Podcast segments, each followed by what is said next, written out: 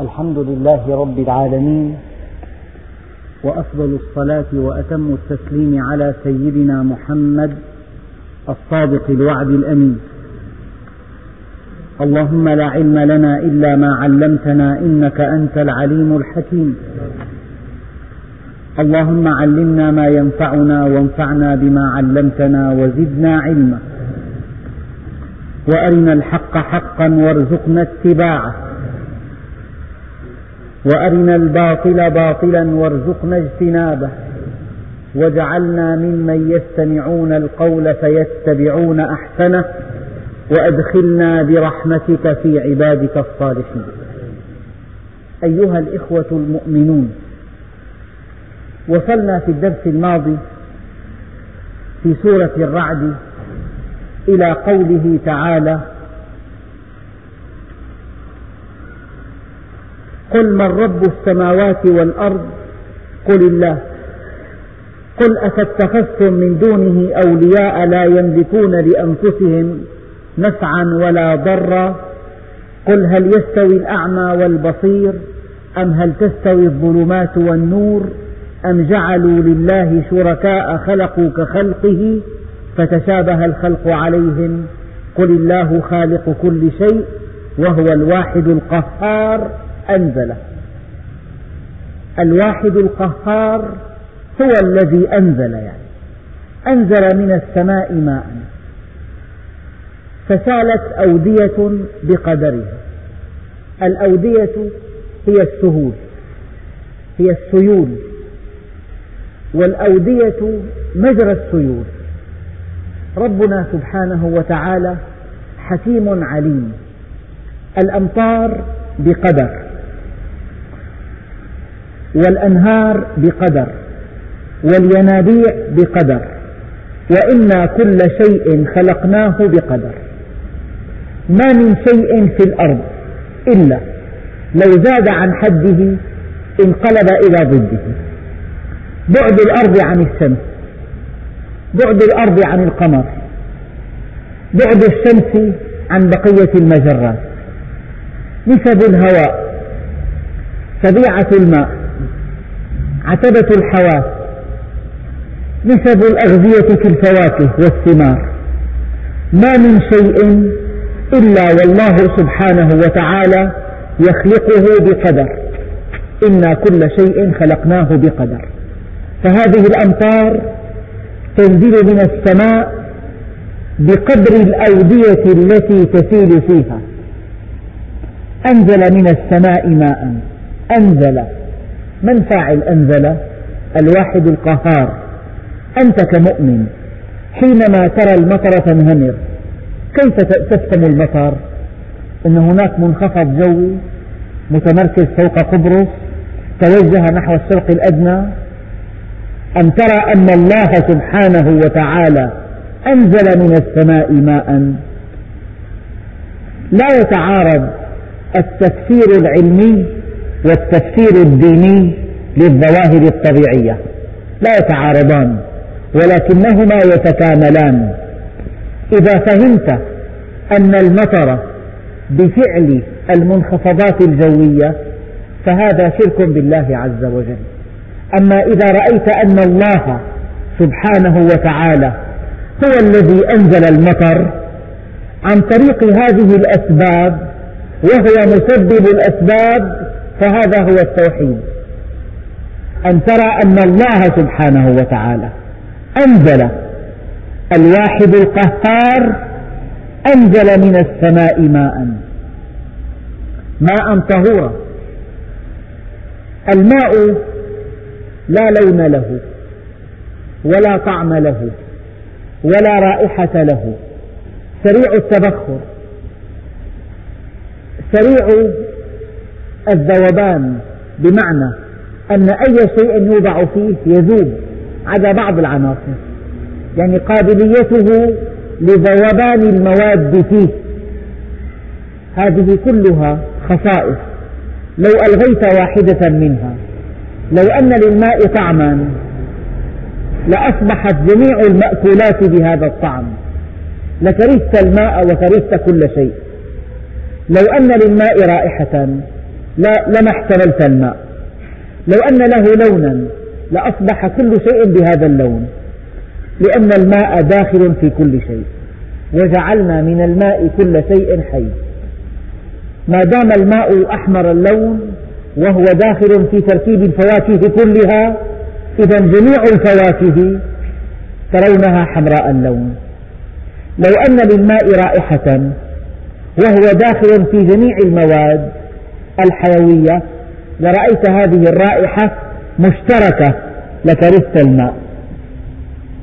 لو أن له طعما لا لون له ولا طعم له ولا رائحة له. لو أن الماء يتبخر بدرجة مئة يتبخر. إذا نظفت البيت بالماء فإن هذا البيت لا يجف أبدا. إلا إذا سلطت عليه نارا. لكن الماء يتبخر بدرجة 14 فقط. سريع التبخر. سريع الانسياب.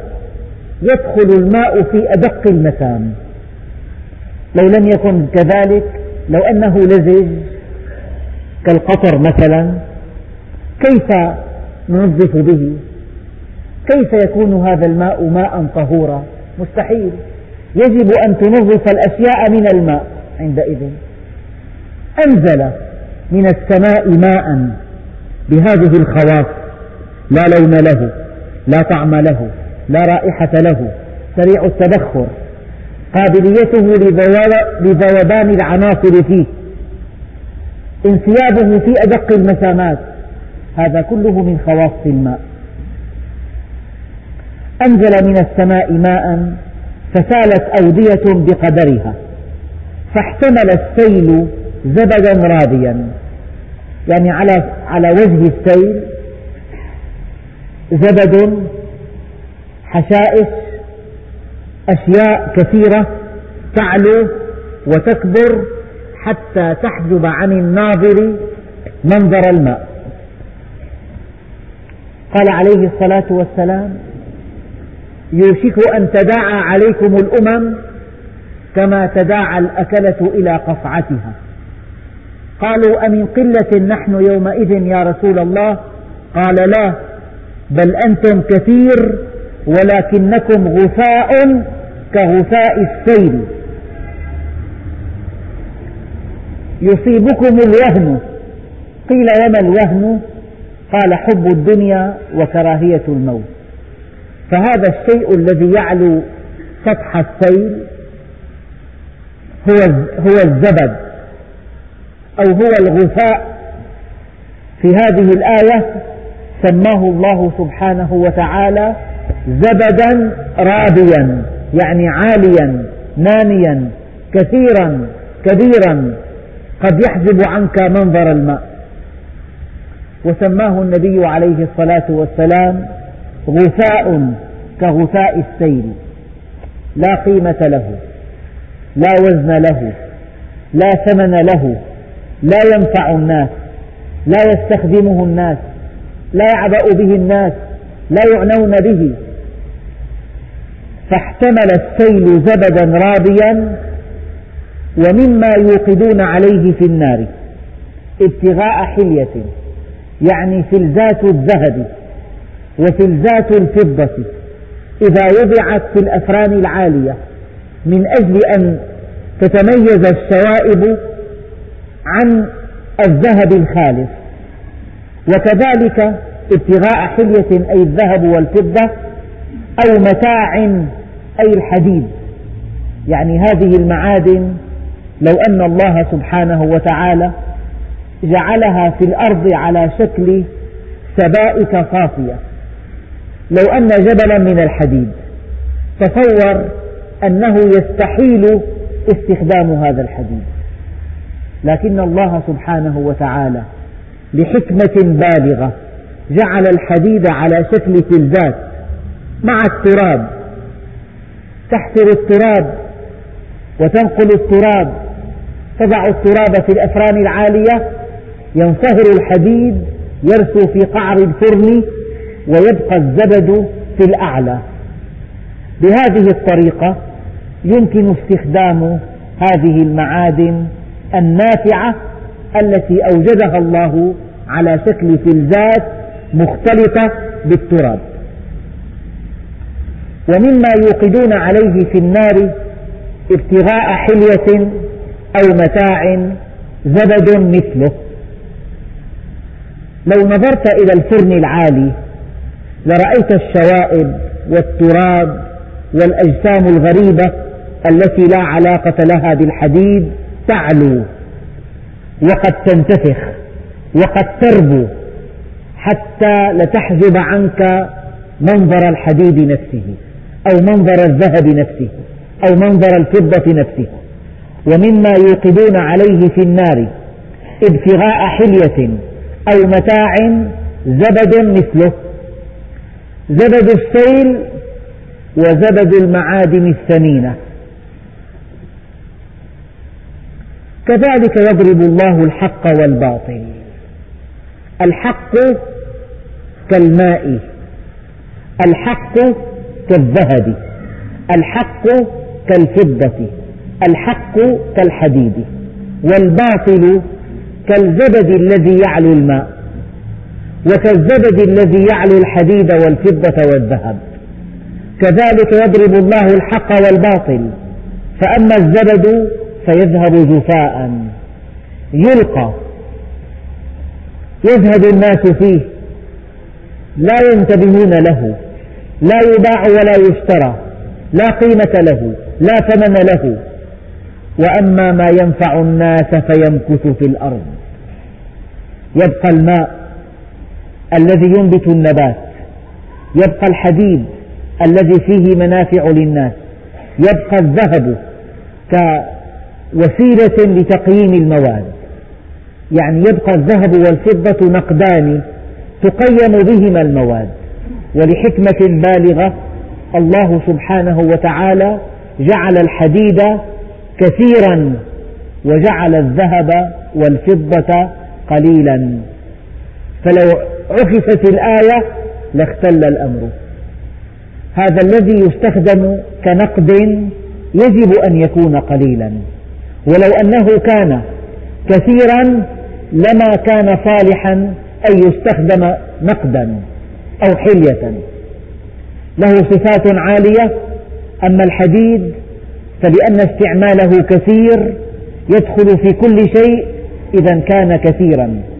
والحديد يصدأ وصدأه نعمة كبرى لأن الحديد لولا أنه يصدأ لما عشنا نحن.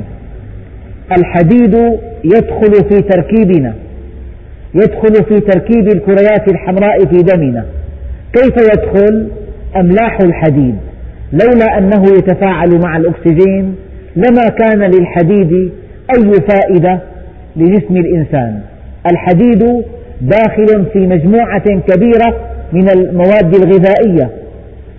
فالعدس غني بالحديد التفاح والسفرجل غنيان بالحديد والدليل أنك لو قطعت تفاحة وعرضتها للهواء تفاعل أكسجين الهواء مع الحديد في التفاحة فاسودت إسودادها واسوداد السفرجل واسوداد أية فاكهة فيها حديد دليل وجود الحديد وكذلك بعض الخضروات. إذا تأكسده نعمة كبرى من نعم الله سبحانه وتعالى. فأما الزبد فيذهب جفاء يعني الباطل له جولة ثم يضمحل. الباطل مؤقت الباطل طارئ الباطل عارض. الباطل يأتي ويذهب لكن الحق مستقر ومستمر. الحق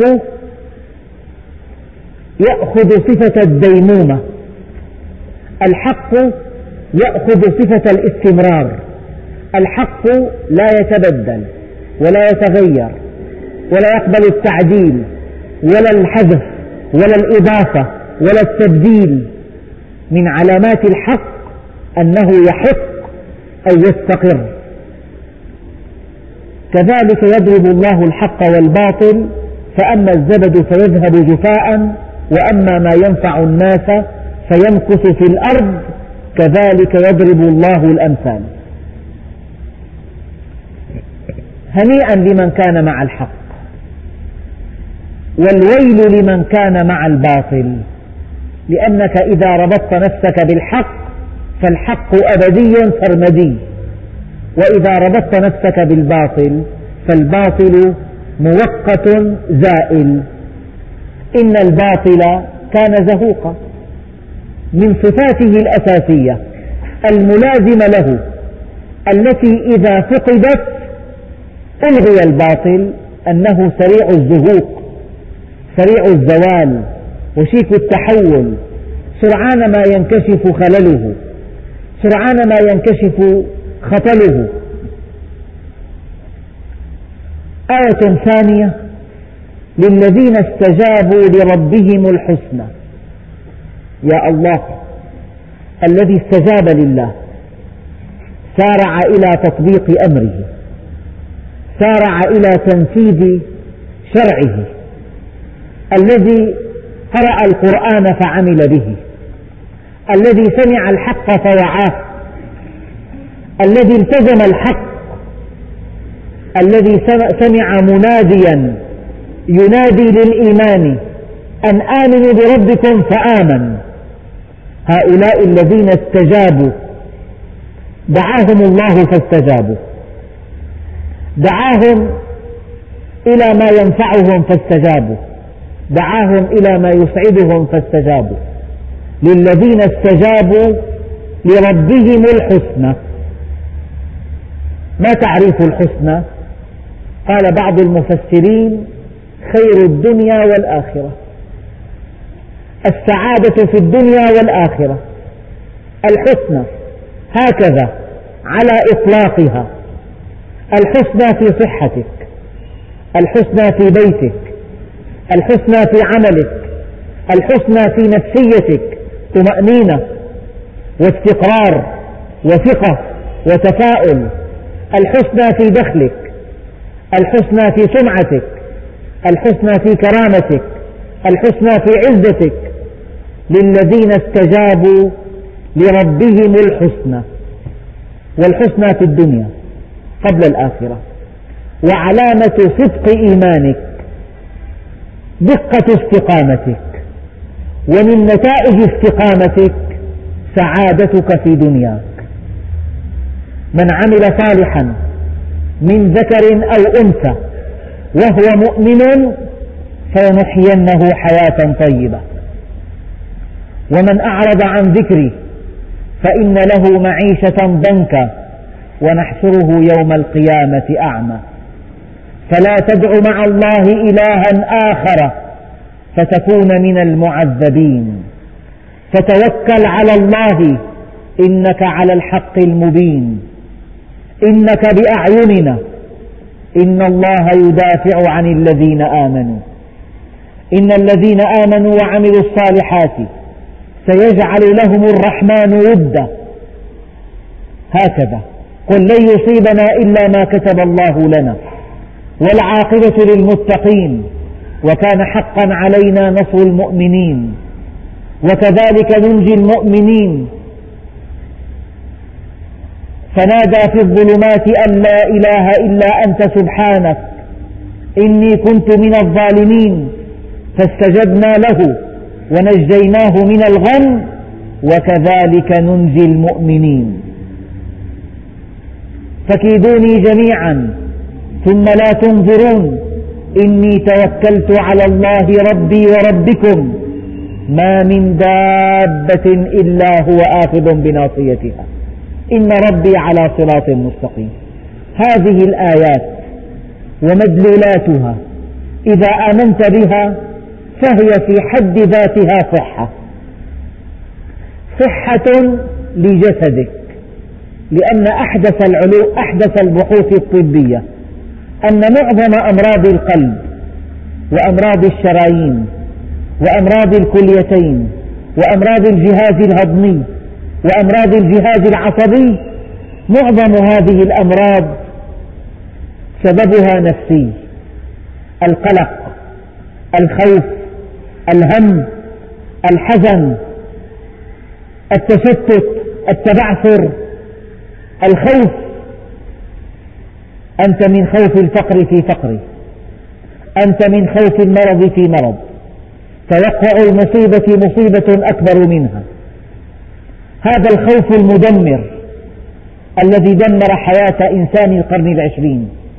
هذا القلق المدمر علاجه الإيمان بالله عز وجل. تستقر الإيمان بالله بحد ذاته صحة.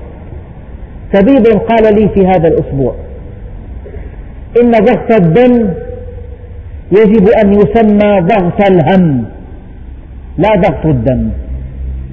ارتفاع ضغط الدم يعني على رأي الأطباء أن عمر الإنسان يتناقص. لا بد من استعمال أدوية بشكل مستمر. أما أحدث الكشوف أن الاسترخاء والراحة النفسية والثقة والتفاؤل هذه الحالات النفسية كافية وحدها أن تعيد ضغط الدم إلى مستواه الطبيعي وأن تعيد ضربات القلب السريعة إلى وضعها المعتدل. أيها الإخوة الأكارم الإيمان بالله صحة صحة لهذا الجسم. لأن ضغط الهموم ضغط المقلقات الخوف الشرك بالله الرغبة في إرضاء الناس كلهم هذا بحد ذاته يسبب قلقا وحزنا وهما يضغط على الأجهزة فيصيبها بالعطب والعطل. لذلك الزهد راحة والتوكل راحة والاستسلام لله راحة. والثقة برضاء الله راحة. والراحة صحة. يعني لو أن الإنسان آمن إيمانا صحيحا لصح جسده. فلا تدع مع الله إلها آخر فتكون من المعذبين. والعذاب سبب لمجموعة كبيرة من الأمراض الوبيلة. للذين استجابوا لربهم الحسنى. يكفي أن تؤمن أن لك عند الله أجلا لا ينقص ولا يزيد. هذا الإيمان يهبك راحة ما بعدها راحة. لي عند الله أجل. لن يتقدم ثانية واحدة ولا يتأخر ثانية واحدة. الإمام مالك رأى في المنام ملك الموت. قال يا ملك الموت كم بقي لي في حياتي؟ فقال ملك الموت وأشار له بهكذا. خمسة يعني. فلما أفاق زادت حيرته. أهي خمس سنوات؟ أم خمسة أشهر؟ أم خمسة أسابيع؟ أم خمسة أيام؟ أم خمس ساعات؟ أم خمس دقائق؟ فلما سأل الإمام ابن سيرين عن تفسير هذه الرؤيا قال له يا إمام إن سؤالك هذا من خمسة أشياء لا يعلمها إلا الله. إن لك عند الله أجلا لا يزيد ولا ينقص. هذا هو هذا يريح الإنسان. كلمة الحق لا تقطع رزقا ولا تقرب أجلا. الآمر هو الضامن. ما من دابة إلا هو آخذ بناصيتها للذين استجابوا لربهم الحسنى. يجب أن تحس بالحسنى. يجب أن تشعر بالحسنى. يجب أن تذوق الحسنى. ذاق طعم الإيمان. الإيمان له طعم. والذين لم يستجيبوا له. أعرضوا عن أعرضوا عن الدين أعرضوا عن عن كتاب الله رفضوا هذا الشرع جملة أو رفضوه تفصيلا أو رفضوه جملة وتفصيلا.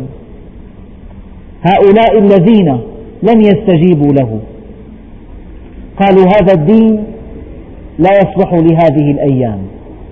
قالوا هذا الدين يطرح طروحات غيبية. قالوا هذا الدين لا يتناسب مع عصر العلم. هؤلاء الذين لم يستجيبوا له. لو أن لهم ما في الأرض جميعا ومثله معه لافتدوا به. لو أن واحد يملك مئة مليون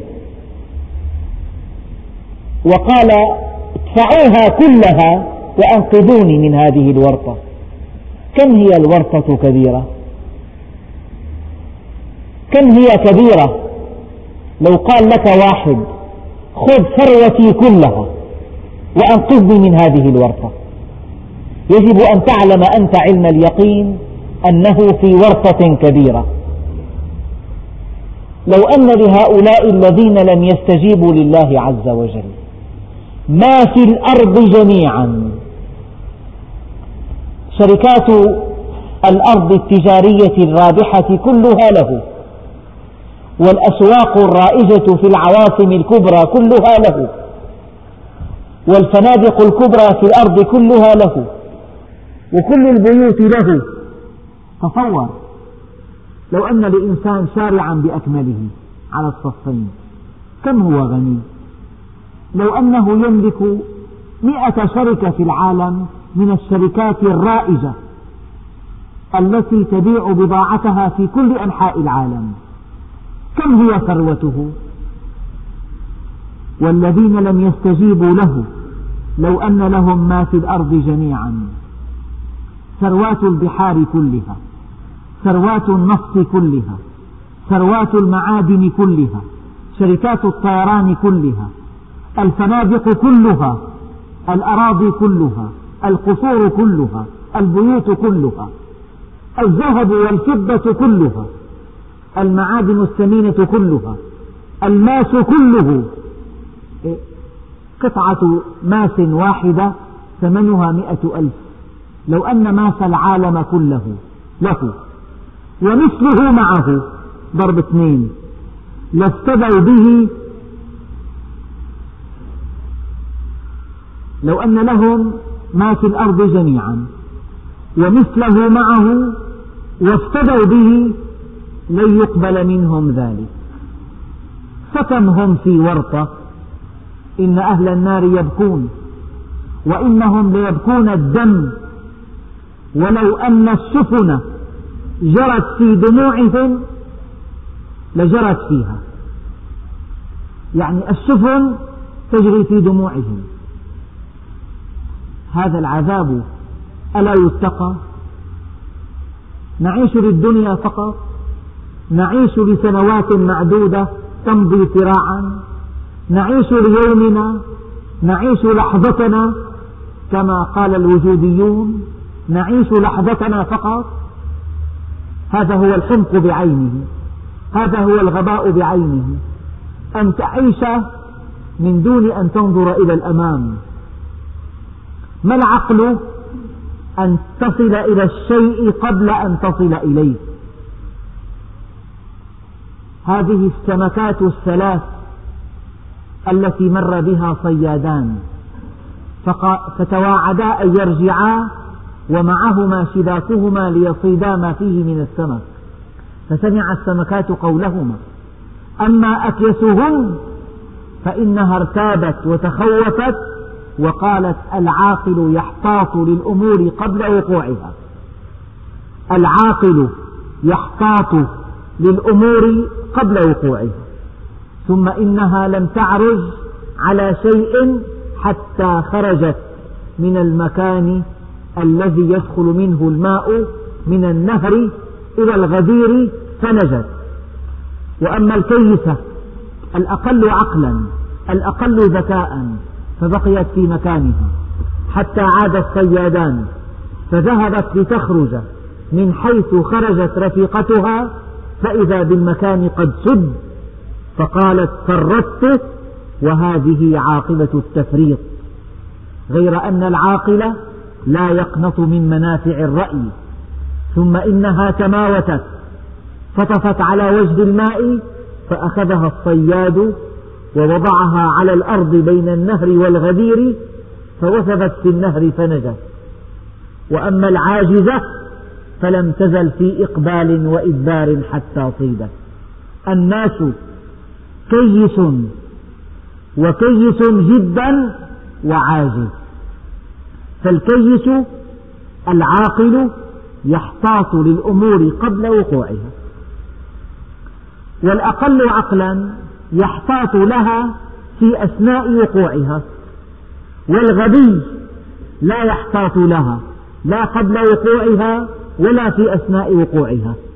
فلم تزل تخطو يمنة ويسرة حتى أخذها الصيادان وأكلوها. للذين استجابوا لربهم الحسنى. يجب أن تذوق طعم الإيمان. يجب أن تقول لمن سألك الحمد لله أنا من أسعد الناس. والله قال لي رجل كان في الحج وسعد بحجته. قال لي والله الذي لا إله إلا هو. ليس في الأرض من هو أسعد مني إلا أن يكون أتقى مني. وأنتم أيها الإخوة الأكارم إذا استقمتم على أمره واتجهتم إليه وجلستم في مجالس العلم وقرأتم كتابه واتصلتم به وذقتم حلاوة القرب. وحلاوة المناجاة وحلاوة الشعور بأن الله معكم وحلاوة الشعور بأن الله يدافع عنكم وحلاوة الشعور بأن لكم عنده مقعد, مقعد صدق. هذه المشاعر إذا ذقتموها تماما تقولون كما قال بعض العارفين والله لو يعلم الملوك ما نحن عليه لقاتلونا عليها بالسيوف. علامة إيمانك أنك سعيد بإيمانك. علامة إيمانك أنك تحس أنك سبقت الناس جميعا إن لم يؤمنوا. ويلكم ثواب الله خير لمن آمن وعمل صالحا. أولئك مأوى لهم سوء الحساب ومأواهم جهنم بعذابها المادي بحريقها. لا يخفف عنهم العذاب. لا يفتر عنهم العذاب. لهم عذاب جهنم ولهم عذاب الحريق. كلما نضجت جلودهم بدلناهم جلودا غيرها ليذوقوا العذاب. أفمن يعلم أنما أنزل إليك من ربك الحق كمن هو أعمى؟ يعني أحيانا تخير بين شيئين متقاربين بين سيارتين أو بين بيتين متقاربين في السعر فتقع في حيرة من أمرك. لكنك إذا خيرت أن يهدى لك سيارة أو دراجة. هل تقع في حيرة من أمرك. هل تبقى طوال الليل ساهرا. أيهما أختار؟ هذا غير معقول. إذا خيرت بين شيئين متقاربين لا بد من الحيرة. لكنك إذا خيرت بين شيء زهيد الثمن وشيء باهظ الثمن. ما إن ينتهي الذي يخيرك من كلامه حتى تقول سيارة. بديهية طيب. إذا خيرت بين الشقاء الأبدي والسعادة الأبدية. بين أن تسعد إلى أبد الآبدين وبين أن يكون الإنسان في جهنم وبئس المصير. لا يخفف عنهم العذاب ولا هم ينظرون. وقالوا يا مالك ليقضي علينا ربك. قال إنكم ماكثون ربنا أخرجنا منها. فإن عدنا فإنا ظالمون. قال اخسأوا فيها ولا تكلمون. إنه كان فريق من عبادي. يقولون ربنا آمنا. فاغفر لنا وارحمنا. وأنت خير الراحمين. فاتخذتموهم سخريا حتى أنسوكم ذكري. تلفح وجوههم النار وهم فيها كالحون. ألم تكن آياتي تتلى عليكم فكنتم بها تكذبون؟ قالوا ربنا غلبت علينا شقوتنا وكنا قوما ظالمين ضالين. ربنا أرجعنا. أخرجنا منها. فإن عدنا فإنا ظالمون. قال اخسأوا فيها ولا تكلمون. أفمن يعلم أن ما أنزل إليك من ربك الحق. كمن هو أعمى؟ يعني آلة ثمينة معها نشرة استعمال. هذا الذي يقرأ النشرة ويستعمل هذه الآلة وفق تعليمات الشركة. فاستعملها واستفاد منها وربح منها أرباحا طائلة وبقيت هي هي يصونها ويعتني بها. كمن, كم كمن يستعمل هذه الآلة من دون تعليمات فأعطبها وخسر ثمنها وفات عليه ربحها هذا كهذا؟ أخ كريم قال لي صفقة عقدت مع شركة أجنبية لتوريد بعض الآلات الدقيقة العالية المستوى. الآلات وردت ولم ترد معها نشرات الاستعمال. إلى أن وردت النشرات عدت الشركة متخلفة عن تسليم الأجهزة في وقتها المناسب لأن الأجهزة لا قيمة لها من دون هذه التعليمات والإنسان لا قيمة له من دون هذه التعليمات. دفعت الشركة غرامات طائلة لأن التسليم باطل الآلات وصلت في الوقت المحدد ولكن التعليمات لم تصل. واستخدام هذه الآلات من دون التعليمات مستحيل. إن استخدمناها من دون التعليمات عطبناها فعدت الشركة متخلفة عن تسليم الآلات. هذا الإنسان من أعقد الآلات. يسعد أو يشقى. ينفع أو يؤذي. يكون مصدر خير أو مصدر شر. إن طبق التعليمات يصبح مصدر خير وإن خالفها يصبح مصدر شر. هذه التعليمات ألا ينبغي أن تقرأ هذه هي بين أيديكم.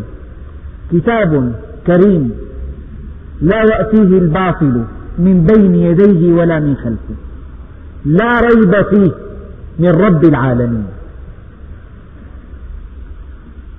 أفمن يعلم أن ما أنزل إليك من ربك الحق كمن هو أعمى؟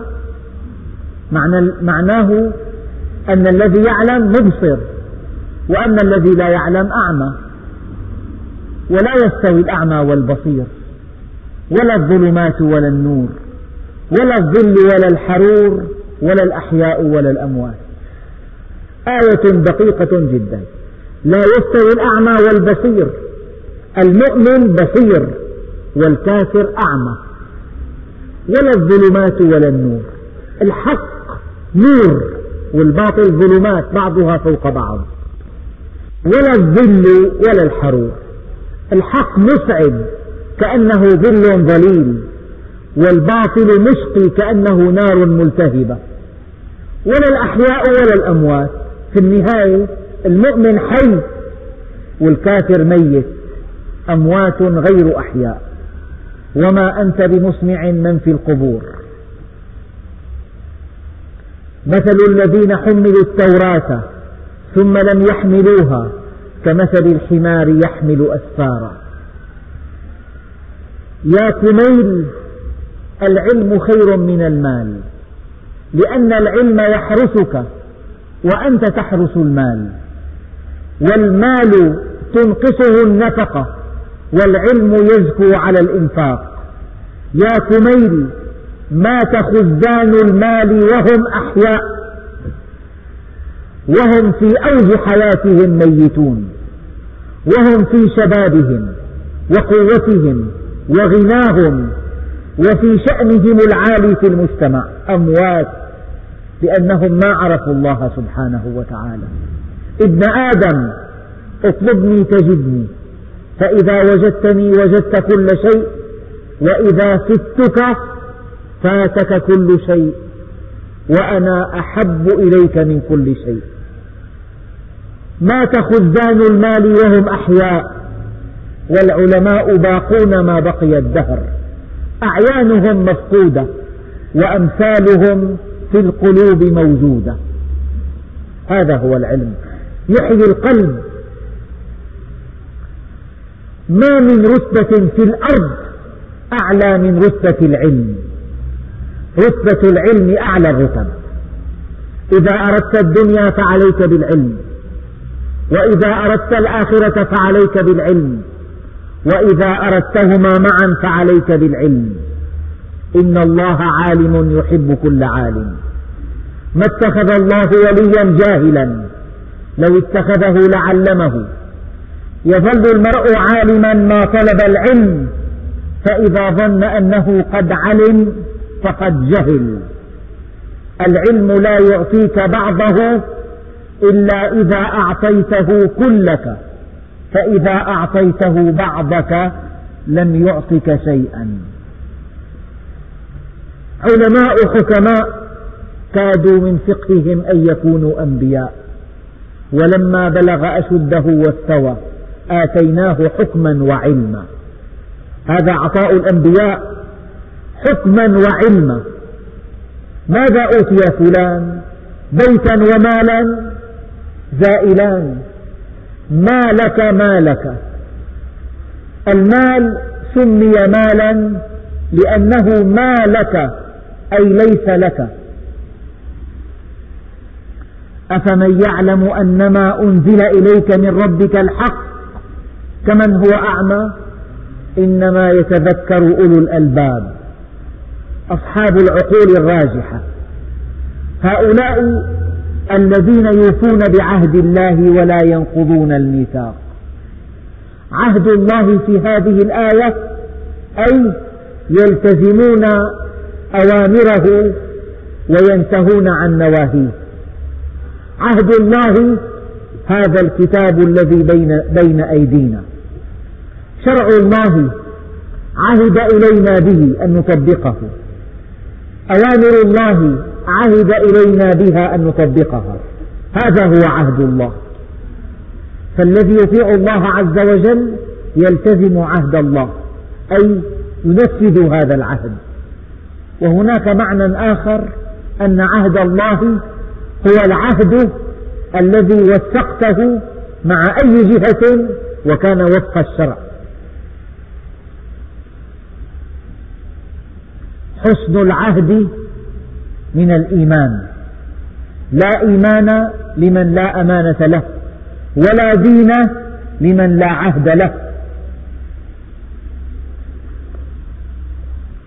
هؤلاء أولو الألباب الذين يوفون بعهد الله. من دون إكراه يؤدون ما عليهم من دون حكم قضائي يوفي بعهد الله. الوفاء بعهد الله من صفات المؤمن والذي يخل بعهد الله يدخل في شعبة من شعب النفاق. آية المنافق ثلاث إذا حدث كذب وإذا وعد أخلف وإذا اؤتمن خان. من كان فيه خصة من هذه الخصال كان فيه شعبة من شعب النفاق.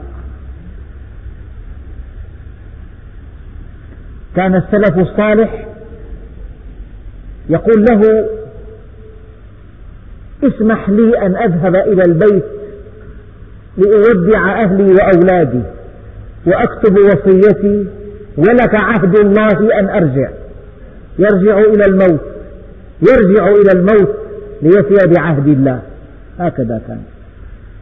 هكذا كان المؤمنون الصادقون. المؤمن إذا عاهد وفى. ولا ينقضون الميثاق.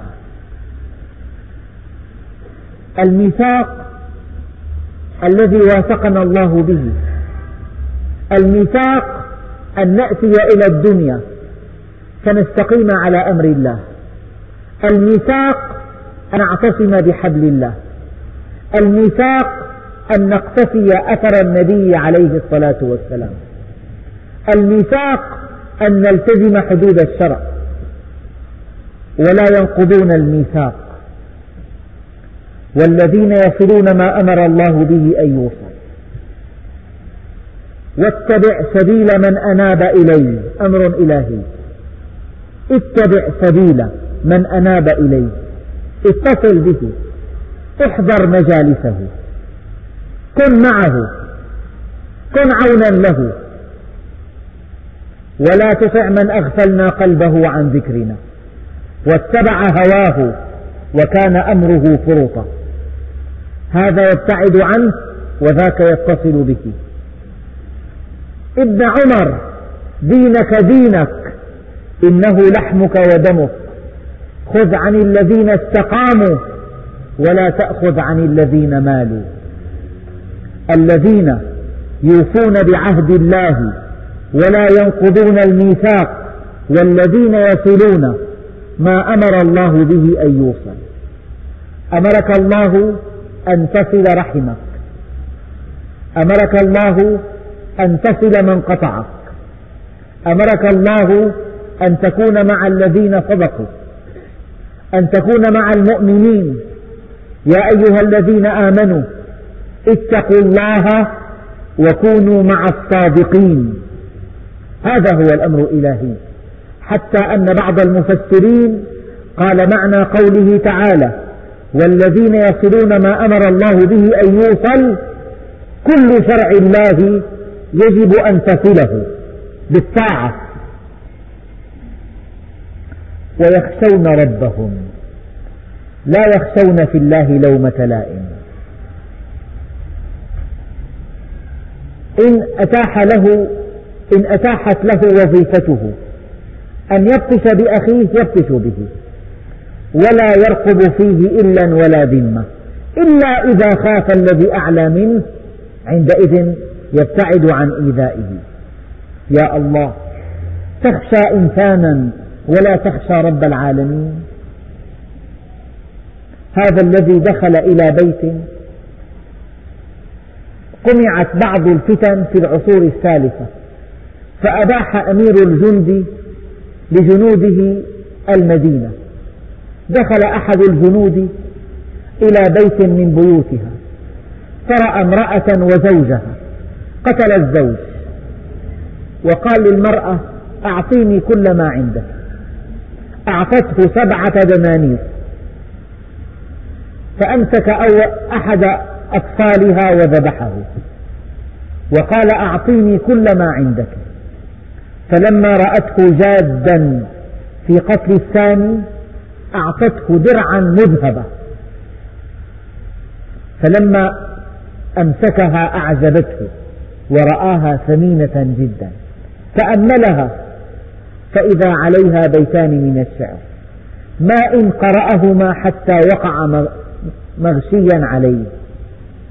إذا جار الأمير وحاجباه وقاضي الأرض أسرف في القضاء. فويل ثم ويل ثم ويل لقاضي الأرض من قاضي السماء. أتخشى إنسانا ولا تخشى الله رب العالمين الذي قلبك بيده ورئتاك بيده وكليتاك بيده والشرايين كلها بيده والدم كله بيده لو جمد نقطة دم كرأس الدبوس في بعض شرايين المخ لأصيب الإنسان بالشلل. بمكان آخر يصاب بالعمى. بمكان ثالث يصاب بالصمم. بمكان رابع ينام في مستشفى المجانين. بمكان خامس يفقد ذاكرته. هذا الذي بيده كل شيء. بيده صحتك. وأجهزتك وحياتك وموتك. بيده الجراثيم بيده من حولك بيده من هو أعلى منك من هو أدنى منك. بيده رزقك تعصيه. ولا تستحي منه. قال إنني أريد أن أعصي الله. واحد سأل أحد العارفين. قال لا بأس عليك اعصه عدا بعض الملاحظات. إذا أردت أن تعصيه فلا تسكن أرضه.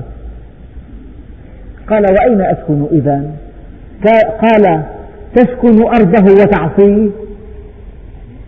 أنت على أرضه وتعصيه. قال هات الثانية. قال إذا أردت أن تعصيه فلا تأكل رزقه. قال وماذا آكل إذا؟ قال تسكن أرضه وتأكل رزقه وتعصيه. قال هات الثالثة. قال إذا أردت أن تعصيه تزهد أن تعصيه في مكان لا يراك فيه. قال وهو, وهو معكم أينما كنتم. قال تسكن أرضه وتأكل رزقه وتعصيه وهو يراك. تعصي الإله وأنت تظهر حبه. ذاك لعمري في المقال بديع. لو أن حبك صادق لأطعته. إن المحب لمن يحب يطيع.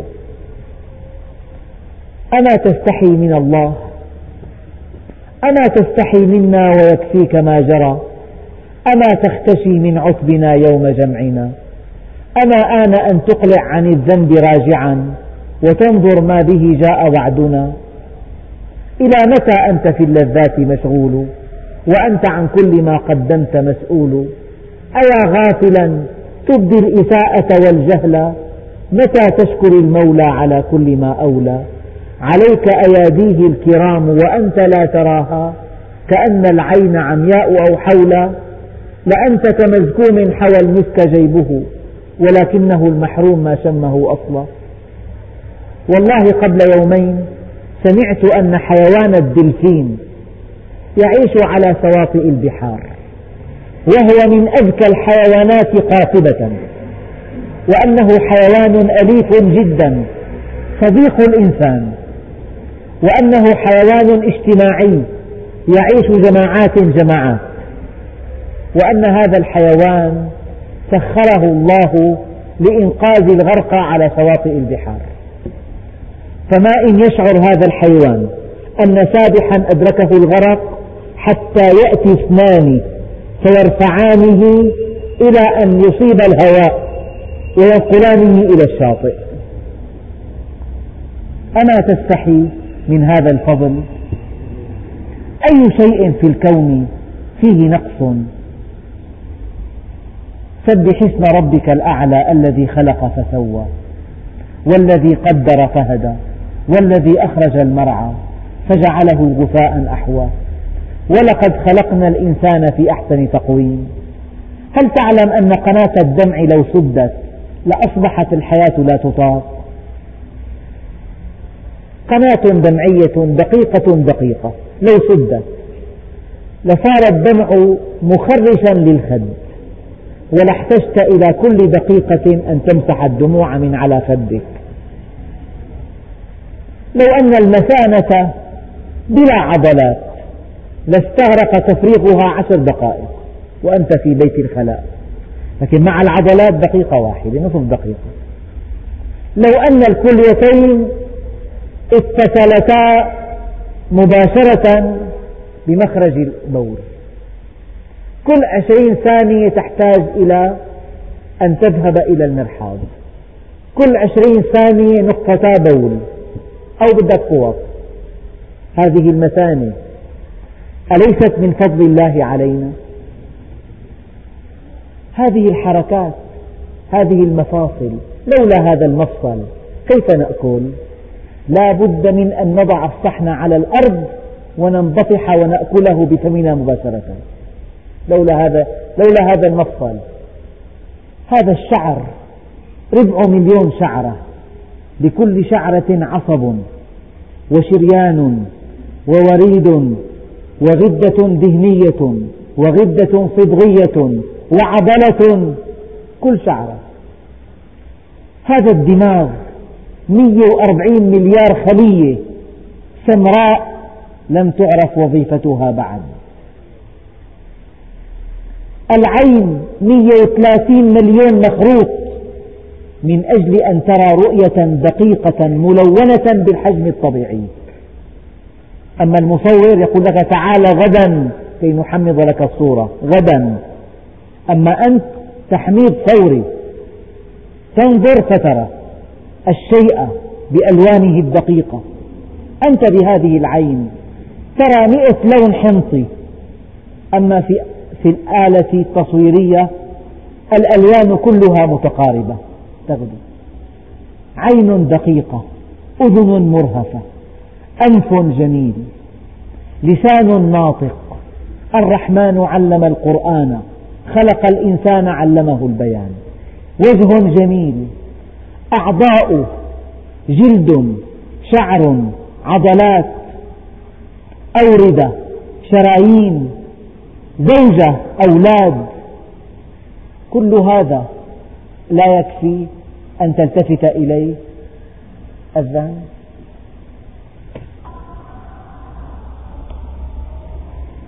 والذين يصلون ما أمر الله به أن يوصل مطلق أوامر الله ويخشون ربهم ويخافون سوء الحساب. يعني المؤمن لا تبرح ذاكرته لا تبرح ذاكرته هذه الساعة فإذا نقر في الناقور فذلك يومئذ يوم عسير. على الكافرين غير يسير. يعني إذا مات الإنسان وتوجه فريق إلى طبع النعوة وفريق آخر إلى تسيير معاملة الدفن وفريق ثالث إلى تأمين الطعام ومستلزمات التعزية مساء وتوجه فريق رابع إلى المقبرة واشترى قبرا وتوجه الحفار ليحفر هذا القبر فإذا نقر في الناقور فذلك يومئذ يوم عسير. الميت مسجى في غرفته ومكتب دفن الموتى أرسل السيارة لتجهز الميت والقبر يحفر. هذه هي الساعة العصيبة التي ينسى فيها الإنسان كل ملذات الدنيا. كل أيام قضاها في الدنيا مسرورا. إنه كان في أهله مسرورا. كان. أما الآن ليس مسرورا. الآن يتمنى أن تسوى به الأرض. يتمنى أن يكون ترابا تدوسه الأرجل. لا. ويخافون سوء الحساب. يحشر الأغنياء أربع فرق يوم القيامة. فريق جمع المال من حرام وأنفقه في حرام. والحمد لله رب العالمين.